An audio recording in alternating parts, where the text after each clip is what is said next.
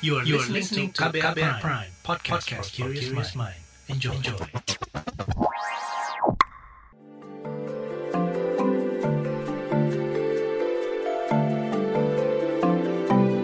Saga, cerita tentang nama, peristiwa, dan fakta.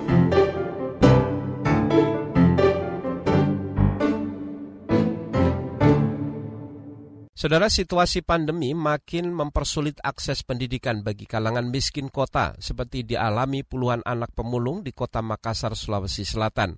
SD Islam Impian tempat mereka belajar terpaksa tutup selama setahun terakhir. Kondisi ini berpotensi meningkatkan angka putus sekolah. Jurnalis KBR Mutia Kusuma berbincang dengan guru dan orang tua murid tentang pergumulan mereka di masa pandemi ini. Mau jadi polisi, mau jadi tentara, mau jadi apa? Kamu mau jadi apa kamu ceritanya? Kita tentara oh, kita Siang itu Febriansa menyapa anak didiknya di sela pelajaran matematika. Sekitar 10 bocah duduk lesehan mengelilingi meja persegi beralaskan lantai bambu. Mereka adalah anak-anak pemulung di Kampung Savana, Kota Makassar, Sulawesi Selatan yang bersekolah di SD Islam Impian. Pandemi di sini belajarnya, kan tidak boleh ke sekolah belajar. Kita belajarnya di sini. Febriansa merupakan pendiri SD Islam Impian. Menurutnya, musim pagebluk COVID-19 memaksa aktivitas belajar mengajar digelar di beranda rumah-rumah warga.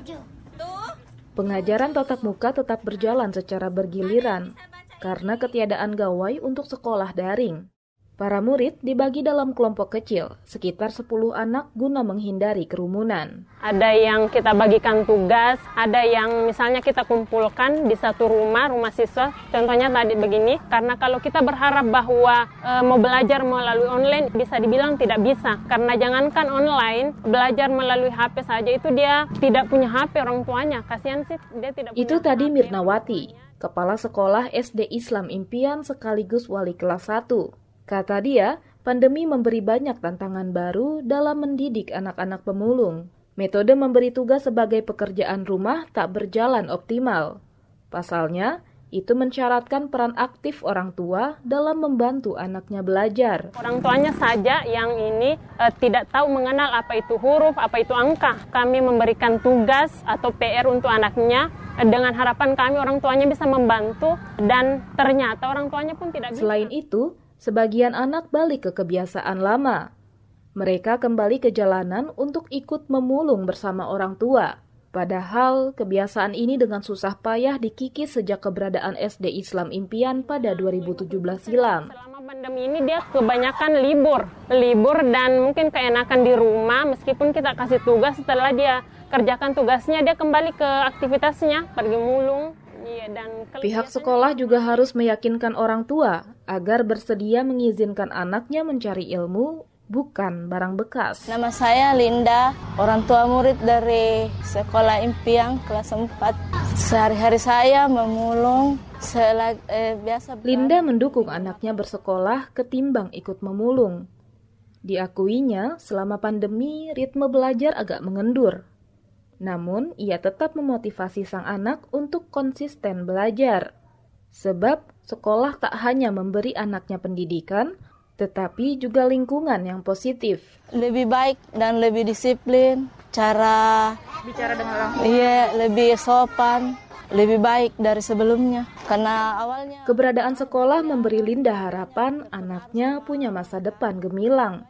Ia bercerita, sang anak bercita-cita ingin menjadi guru. Yang lebih baik lagi, berbakti sama orang tua, bisa membantu orang lain, bisa juga berbagi ilmu kepada yang tidak mampu kelak. Pendiri SD Islam Impian, Febriansa, mengisahkan beratnya memahamkan orang tua seperti Linda agar mengizinkan anaknya sekolah. Meski sulit, Febriansa dan rekan-rekannya tak patah arang. merasa bahwa kalau anak saya sekolah tidak ada yang membantu untuk memulung ekonomi keluarga. Karena kalau anak-anak digendong kemudian dibawa uh, otomatis pengendara itu lebih tersentuh hatinya. Ini kasihan anaknya, kita bantu di jalan misalnya. Master Manajemen Pendidikan berusia 29 tahun ini tergerak membangun sekolah bagi anak pemulung saat membagikan bantuan makanan di permukiman kumuh termasuk kampung savana. Melihat kenapa anak-anak yang kecil ini usia seharusnya mereka sekolah yang menerima makanan kami.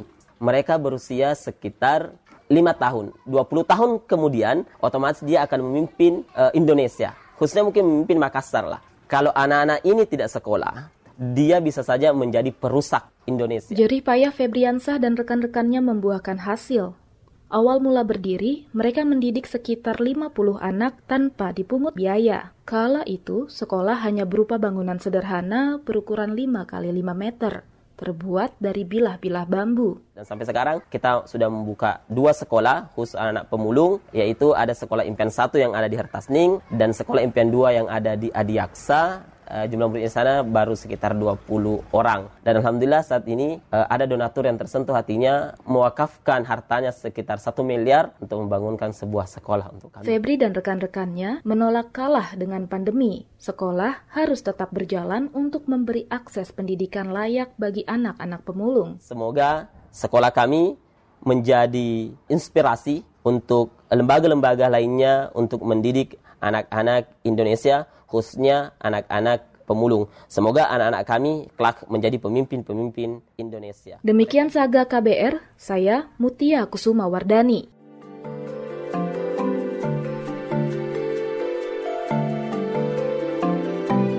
Saga, cerita tentang nama, peristiwa, dan fakta.